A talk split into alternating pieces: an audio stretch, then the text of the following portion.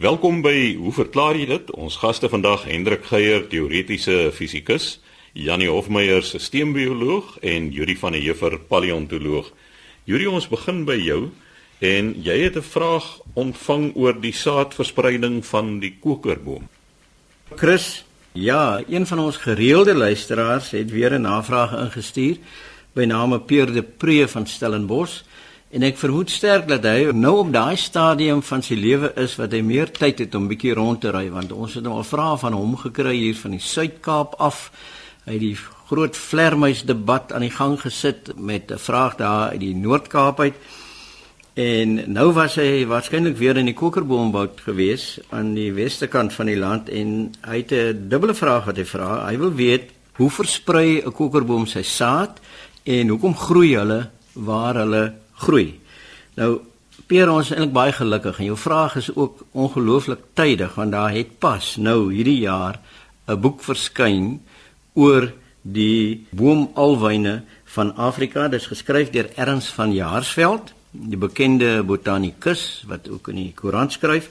Nou die kokerboom is Aloidendron dicotomum. Dit is die nuwe naam daarvoor en die dicotomum verwys na die manier waarop die takke vertak. En uh in Engels staan dit bekend as die quiver tree, daar's 'n Afrikaanse naam daarvoor, die dikke. Die Duits is kokerbaum en dan in Nama is dit garas of garap. En die kort antwoord op jou vraag is eintlik dat die saad van die kokerboom word deur wind versprei, maar daar is spesiale aanpassings van die kokerboom en die vruggies word bokant die kroon van die boom gedra. So wanneer bestuiving nou plaasvind, dit vind plaas deur spreeus en witoogies en vinke en as die vrugbeginsel dan begin groei en uitsit om die vrugkapsel te maak, dan wys dit nog na onder toe, maar na bevrugting dan begin dit draai dat dit na boontoe wys en dan staan dan uit bokant die kroon daarvan dat die wind dit nou in die hande kan kry. En hierdie saadkapsules het nate En soos dit droog word en ryp word, dan begin die saadkapsule opvou amper soos 'n blom op hierdie nate langs om die sade te ontbloot. En volgens erns is die sade is plat en gevleuel, daar so 'n membraantjie rondom wat nou help met die verspreiding. En dan is daar 'n sterk wind nodig om die sade uit te lig en hulle te versprei. En Die uh, verspreiding van die sade kan wissel. Die sade kan naby die moederboom val of uh, en verder weg en dit is 'n bekende feit van plante wat in egte woestyne voorkom dat waar die moederplant groei is waarskynlik die mees geskikte plek in 'n omgewing. So sulke woestynplante het gewoonlik nie aanpassings om die sade ver te versprei nie, maar om dit net langs die moederplant te laat val om dan te kan groei. Nou die sade van die kokerboom kan naby die boom val of dit kan 'n paar kilometer wegwaai op die wieke van die wind om dan weer op 'n ander plek te vestig. Nou die verspreiding van hierdie bome strek by ons van Nieuwdwil af tot by die Brandberg in Namibia in 'n noord-suid rigting en dan in 'n oos-wes rigting kom dit voor vanaf binneweer ons kuslyn aan die Weskus tot sover as uh, Prieska en Kenhardt. En die vraag wat jy verder vra is hoekom groei dit in die gebiede? In hierdie omgewings het jy reënval wat wissel van sê maar 50 tot omtrent 300 mm per jaar en dit is net waar vir die kokerboom aangepas is. Jy kan hom uitplant en op 'n ander plek gaan versorg, maar as hy in 'n gebied groei wat natter is waar daar ander meer welige plante groei is, dan is die kompetisie dikwels vir die kokerboom te sterk En as dit ook te nat is, dan is die kans daar dat die wortels kan vrot. So ons het hier 'n goed aangepaste plant in 'n semi-ariede omgewing. Ons is bekend met die kokerboomwoud hier by ons wat ons kan besoek en dit is een van die ikoniese plante van daardie omgewing. En uh, as iemand ooit in daai rigting ry, dan dink ek is dit 'n goeie idee om 'n punt daarvan te maak om die kokerboomwoud te gaan besoek. So sê Yuri van der Heever, ons paleontoloog. Volgende in die beurt is Jannie Hofmeyer, sisteembioloog. En Jannie, jy het 'n vraag ontvang oor stikstof in reënwater. Ja, die vraag kom van meneer Freddie King van George en ek gaan sy vraag net voorlees. Hy sê ek vang byna al my huis se dakwater op en stoor dit in twee 5000 liter watertanks. Ek het 'n pompstelsel wat aan my huis gekoppel is en gebruik dus 'n groot deel van die maand reënwater vir huishoudelike gebruik asook vir die tuin. En wanneer die tanks leeg is, skakel ek natuurlik weer oor na munisipale water toe. Nou hy sê volgens my is die tankwater ryker aan stikstof as die munisipale water en daarom gebruik ek altyd tankwater om my tuin nat te maak. En nou vra hy, maak hierdie aksie van hom sin? En hy wil ook weet of die stikstof in die reënwater mettertyd verslaan soos hy dit noem of dit nou vir altyd in die water bly. Nou meneer King, dis 'n baie interessante vraag want natuurlik dis deel van 'n ontsettend komplekse siklus van die element stikstof deur die atmosfeer na die aarde toe. Ons weet stikstof natuurlik essensieel vir alle lewende organismes. Die probleem is meer as 98% van ons wêreld se stikstof is nie beskikbaar nie vir lewende organismes nie. Dit is vasgevang in chemiese strukture van rotse, grond en sediment. Die res van die stikstof, die beweeg nou in so 'n dinamiese siklus deur die atmosfeer, oseane, mere, riviere en plante en diere en natuurlik ook ander vorms van lewe soos mikroorganismes.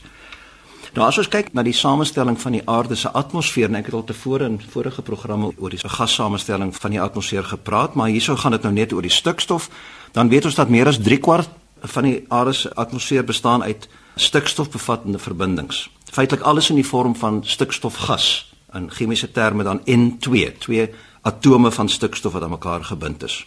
Dis 'n kleurlose, reuklose gas. En dis interessant dat as mens kyk na elke vierkante meter van die aarde se oppervlak, bokant daardie vierkante meter sit daar meer as 8 metrieke ton stikstofgas, net om eerstens te wys weer hoe geweldig groot die afmetings van die atmosfeer en natuurlik hierdie geweldige hoeveelheid stikstof, maar die stikstof is nie vir ons in 'n bruikbare vorm nie. Wat wel die bruikbare vorms is, is dan die res van die atmosferiese stikstof wat in klein hoeveelhede voorkom in geoksideerde vorms. Dit is hoofsaaklik nitrate, chemies NO3, stikstof en suurstof en dan drie suurstof aan die stikstof gekoppel en dit is natuurlik 'n ioniese vorm, met ander woorde is 'n gelaaide vorm, negatief gelaai. En dan ook nitriete wat NO2 is. En ook die gereduseerde vorm van stikstof in die vorm van ammoniak. Of sy ioniese vorm ammonium wat NH4+ is. Nou hierdie vorms van stikstof, nitrate, nitriete, ammoniak is almal wateroplosbaar en dit is dan die vorms wat in die reënwater en ook deur sneeu byvoorbeeld na die aarde gedra word in hierdie stikstofsiklus. Nou stikstofgas as sulks is baie stabiel en om dit te oksideer na nitrate en nitriete toe, die vereis baie energie. En so een van die vorms van energie is natuurlik weerligstrale en ons weet weerligstrale is 'n bron van nitrate en nitriete in die atmosfeer en dan ook dan in reënwater. Maar natuurlik fotosintetiese energie in plante en chemiese energie uit bakterieële prosesse, die is ook daar om stikstof te verander na hierdie vorms, veral die geoksideerde vorms van stikstof. Grondbakterieë die is natuurlik geweldig belangrik in hierdie stikstofsiklus want hulle kan stikstof stikstofgas uit die atmosfeer kan hulle verander na ammoniak toe en dan die ammoniak weer na nitraat en nitriet en plante kan daardie vorms dan opneem. En dan jy kry selfs denitrifiserende bakterieë wat weer die nitraat terugverander na stikstof en na stikstofgas toe. En plante aan die ander kant kan nou nitrate en ammonium neem en dit vasvang in die vorm van organiese stikstofbevattende verbindings. So byvoorbeeld aminosure. En ons weet alle proteïene, al ons nukleïnsure, dit is almal verbindings wat stikstof in hulle strukture bevat. Maar dis nie nou net hierdie prosesse wat 'n bron van nitrate en nitriete in die atmosfeer is nie. Ons in ons moderne samelewing is natuurlik geweldig baie energie wat uit die landbou kom, uit die industrie, uit motortransport, net verbranding van brandstof in motors en natuurlik ook uit vure. En dis verantwoordelik vir soveel of selfs meer van hierdie vorms van stikstof. So dis nie net die prosesse in die atmosfeer nie, maar ook kom ons sê mensgemaakte prosesse wat bydra tot die vorming van nitrate en nitriete, veral die geoksideerde vorms van stikstof. So dis duidelik dat die presiese samestelling van die atmosferiese stikstofvorms afhang van wat op die aarde aangaan en dit gaan bepaal wat die konsentrasie in 'n spesifieke gebied is. Daar's al baie studies oor die hele wêreld gedoen. Een interessante studie wat in die FSA gedoen is, het gevind dat in ver afgeleë nie-industriële gebiede soos byvoorbeeld Samoa en Hawaii en Alaska die reënwater maar omtrent net so 0.2 mg per liter nitrate bevat in kontras met reënwater in die ooste van die FSA wat 6 maal meer nitrate bevat het. Daar's egter al reënwatervlakke van 5 mg per liter nitrate in industriële gebiede gevind. Maar die vraag is egter, is daar nou meer nitrate in reënwater of meer nitrate in munisipale drinkwater? Nitrate, nitriete, ammoniak, al hierdie vorms wateroplosbare vorms van stikstof. So Daar's natuurlik geweldig baie bronne van stikstof in ons drinkwater deur die gebruik byvoorbeeld van kunsmis, van uitlek uit septiese tanks en riool en ook uit erosie van natuurlike afsetsels van stikstof. Nou natuurlik daar's baie streng perke op wat toegelaat word ten opsigte van hierdie verbindings in drinkwater. Vir nitrate is dit tipies so 10 mg per liter van nitriete wat meer gevaarlik is veral vir kinders blykbaar vir jong kinders as hulle te hoë nitriet inneem kan dit probleme veroorsaak so daar sit omtrent so 1 mg per liter van nitriete maar nitrietkonsentrasie in drinkwater is tipies baie laag meestal onder 0.1 mg per liter terwyl die nitraatkonsentrasie weer baie hoër kan wees maar selde hoër as as die toelaatbare vlak van 10 mg per liter so meneer King Reënwater bevat dus nie noodwendig meer stikstof as drinkwater nie. Inteendeel kan selfs waar wees. Maar daar's geen probleem daarmee om jou reënwater te gebruik vir die tuin nie. Dit is waarskynlik beter want daar's nie allerlei ander bygevoegde verbindings soos kloor en so wat gebruik word in drinkwater nie. So geen probleem daarmee nie. En veral nitraat en ammoniak en so is heel stabiel oor 'n lang tydperk. So dit verslaan nie Natuurlik mens moet opsop waar jou reënwater val. As jou dak vol mos is en allerlei begroeisels, dan natuurlik soos die reendruppel val op pad na jou tank toe, kan dit allerlei dinge optel. So mens moet ook daarna kyk hoe skoon die reënwater is voordat dit in die tanks versamel word. So ek hoop Freddy, jy kan aangaan met jou nat maak van jou tuin met met die reënwater, daar's geen probleem nie, maar daar sien noodwendig meer stikstof in as wat daar in die munisipale water is nie. Jannie, ek het nou al dikwels gehoor boere en ook ander mense wat sê maar as dit donder weer was, dan is daar baie meer stikstof in die water want sommer die volgende dag al kan jy die blou-groen kleur in jou gras sien deurslaan. Ja, want weerligstrale het gesê besit genoeg energie om hierdie oksidatiewe proses te veroorsaak. So 'n baie hewige donderstorm met baie weerlig kan beslis die nitraat nitriet konsentrasie dan in die atmosfeer verhoog. Of dit werklik nou soveel verskil maak, dis ek nou nie seker nie. Maar beslis sal daar verhoging wees, maar dit is kortstondig. En so gesels Janie Hofmeyer, ons sisteembioloog. Op RSG gaan ons voort met hoe verklaar jy dit? Hendrik Geier, ons teoretiese fisikus volgende aan die woord. Hendrik, jy het 'n vraag ontvang. Iemand wil weet hoe vinnig swem menslike sperm? Ja, dankie Chris. Die vraag waarna jy verwys kom van Dani Franken af. Hy is verbonde aan 'n infertiliteitskliniek in die Vrystaat, maar voor ek by sy vraag kom, wil ek net eers gou 'n stukkie skuld vereffen Chris met jou vergunning. In 'n vorige program sal jy dalk onthou het ek 'n skrywe van Johan Eis gebruik wat ek min of meer 'n memorandum vir die huiswerk wat ek destyds uitgedeel het genoem het. En teen die einde van daardie program het ek nie kans gehad om ook erkenning te gee aan ander luisteraars wat in reaksie op die huiswerk geskryf het nie. En een van hulle wil ek by naam noem. Dit is Renay Tron van Mariesburg. Nou daardie deel van die huiswerk wat gehandel het oor die verandering in watervlak wanneer onderskeidelik ys en 'n uh, rotsblok uit 'n bootjie in die water val. Renay, ek hoop jy het nou uh, beter begrip vir hoekom dinge gebeur soos ons dit destyds geskets het. Renay het wel rondom die ontsnap uit die swembad die idee gehad om in 'n groter wordende spiraal te swem en soos sy dit gestel het om dan uiteindelik deur die probleem empiries te benader die hond te probeer uitoorleef want sy het gesê sy's net te lui om die somme te maak. Nou uh, Johan Eis het ons gehelp om daai somme te maak om te sê jy moet binne 'n sirkel met 'n radius van 'n kwart van die swembad eers sorg dat jou afstand net 'n 3 kwart is van die radius van die swembad wat jou sal help om te ontsnap aan die hond. Maar waaroor ek dit eintlik het, Chris in haar skrywe het Renay nog twee ander dinge aangeroer. Sy het moeite gedoen om vir ons 'n pragtige foto te stuur van 'n ysnaald wat in 'n kersblaker wat buite in die koue Karoo gestaan het, gevorm het En as ek so die afmetings van die foto takseer, dan lyk dit vir my was dit 'n ysnaald van etlike sentimeters hoog, nogal 'n indrukwekkende foto wat Renay vir ons gestuur het. En sy het genoem dat sy al probeer het om die verskynsel te herhaal sonder enige sukses, net so effense heuweltjie soos sy dit stel wat in die middel van die blaker gevorm het en sy sê die toestande moes net presies reg gewees het daardie spesifieke aand en ek dink dit stem ooreen ook met die analise wat ons destyds gegee het. En nou om aan die luisteraars te deel 'n vraag wat Renay gestel het. Sy sê waarom styg die temperatuur net voordat dit begin sneeu? Nou Renay, ek het my bes probeer om uit te vind hoe goed inligting gedokumenteer is wat of hierdie stelling kan boekstaaf of tot die teendeel praat en ek moet sê ek het nie besondere sukses gehad nie. So ek sal graag van luisteraars wil verneem of hulle enerzijds dieselfde soort waarneming gemaak het en indien wel of daar enige data is wat dit kan bevestig en dan kan 'n mens miskien verder oor hierdie situasie probeer nadink. Maar op die oomblik bly ek jou 'n antwoord verskuldig Renay en ek hoop die luisteraars sal ons kan help om uit te pleis of hierdie die werklike toedrag van sake deur die bank is naamlik dat die buitetemperatuur styg net voordat dit begin sneeu.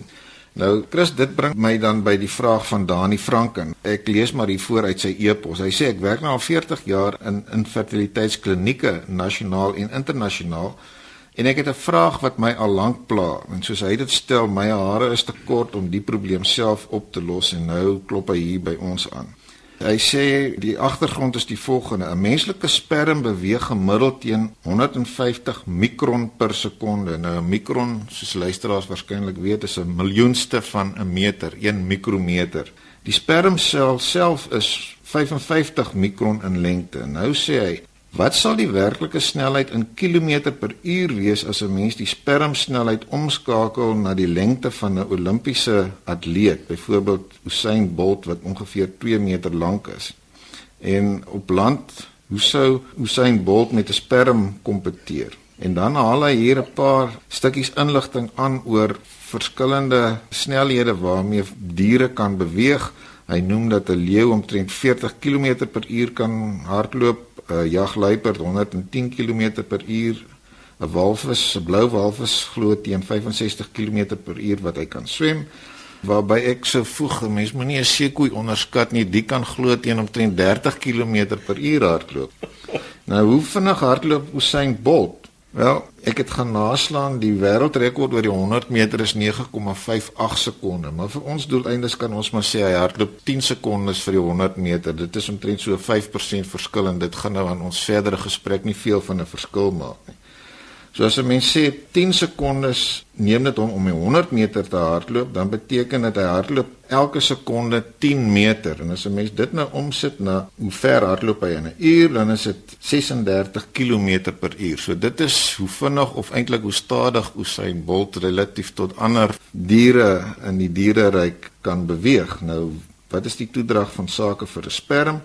Wel, 150 mikrometer per sekonde is uiteindelik maar omtrent 'n halwe meter per uur. So dis glad nie vergelykbaar met hierdie soort van snelhede nie, maar ek dink ek verstaan wat Dani Franken in gedagte het en dit is 'n sinvolle manier om hierdie goed te vergelyk, naamlik om eintlik te vra as 'n mens snelhede nie meet in absolute eenhede nie, maar in lengte eenhede van die organisme wat besig is om te beweeg, hoe lyk sake dan?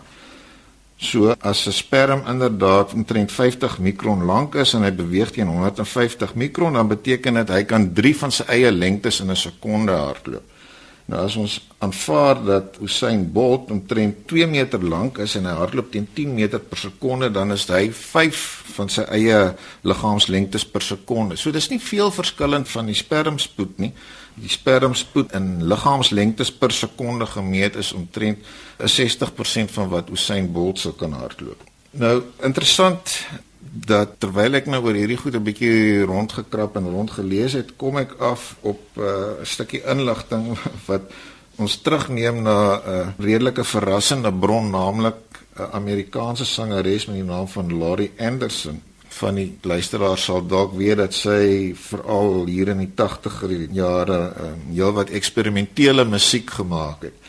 En sy het op 'n stadium, ek dink in 1984 het sy 'n album vrygestel met die titel United States, eintlik United States Live want dit was opnames wat tydens konserte gemaak is waarby sy natuurlik ook visuele effekte kon toon terwyl sy gesing het. En een van die snitte op hierdie vrystelling het die titel gedra Mag 20. Mag 1 is natuurlik klankspoed, so Mag 20 beteken 20 keer die spoed van klank en waaroor Laurie Anderson nou daar gesing het teen die agtergrond van wat uiteindelik gebleik het vergrotings te wees van spermselle soos wat hulle beweeg. En as 'n mens nou nie weet wat dit is nie kan dit nogal soos klein walvissies lyk wat so daar teen die agtergrond swem. Dan kom sy met die volgende tevore naamlik om te sê some of you may be surprised to learn that if a sperm were the size of a salmon it would be swimming its 7 inch journey at 500 miles per hour. En dan gaan sy voort om te borduur hoe die ding nou sou skaal as jy van walvisse praat en daar haal sy 'n ongelooflike 15000 myl per uur aan en borduur dan nou nog verder voort op die onwaarskynlike situasie as al hierdie walvisse nou oor die stille oseaan sou swem in die rigting van Japan hoe hulle nou daar sou arriveer lyk na 'n redelike de mekaar spel as sulke goed teen 15000 myl per uur op die Japaneese kuslyn afpyl. Maar as 'n mens nou die sommetjie gaan maak wat hierdeur geïmpliseer is, 'n tipiese salm is so tussen 'n half en 'n meter lank. Die inligting wat 'n mens op die internet kry is dat die goed nie vreeslik vinnig swem nie, omtrent so 1 en 'n half tot 3 meter per sekonde, oftewel omtrent so 3 liggaamslengtes per sekonde, terwyl 'n spoed van 500 myl per uur of 800 km per uur impliseer omtrent 200 liggaamslengtes per sekonde. So 'n mens is nou nie seker of Laurie Anderson self die somme gemaak het en of iemand dit vir haar gemaak het nie, maar die feit van die saak is dis omtrent met 2 orde groot is of 100 keer uit. So hulle het die tog van 'n spermsel baie meer dramaties voorgestel as wat dit inderwaarheid is en ek weet nie tot watter mate dit miskien neerslag in die algemene denke oor die beweging van spermselle teweeggebring het en of Dani Franken selfs dalk kennis geneem het hiervan op 'n direkte of indirekte manier nie. So kortom Dani in liggaamslengtes per sekonde gemeet is 'n sperm so 'n bietjie stadiger as Usain Bolt, maar beslis nie ekwivalent aan 'n salm wat 500 myl per uur swem nie. Ek dink dit is baie interessant. Ek onthou nou iewers in my verlede het ek die berekening gesien vir mure, dat mure nogal indrukwekkend is in terme van liggaamslengte per tydseenheid. Kom ons maak dit gesamentlike huiswerk vir die volgende keer Janie, dan kyk ons hoe vinnig hardloop mure. Dis 'n interessante storie van die sperm. En ek neem nou aan dat jou luisteraar praat van 'n sperm wat onder eie krag beweeg, maar as mense nou dink aan die begin van die roete van die sperm, dan het hy nou uh, spiersamentrekkings om hom te help en nou beweeg die sperm aanvanklik baie vinniger en ek dink dan gaan hy vir Hussein Bolt laat stil staan.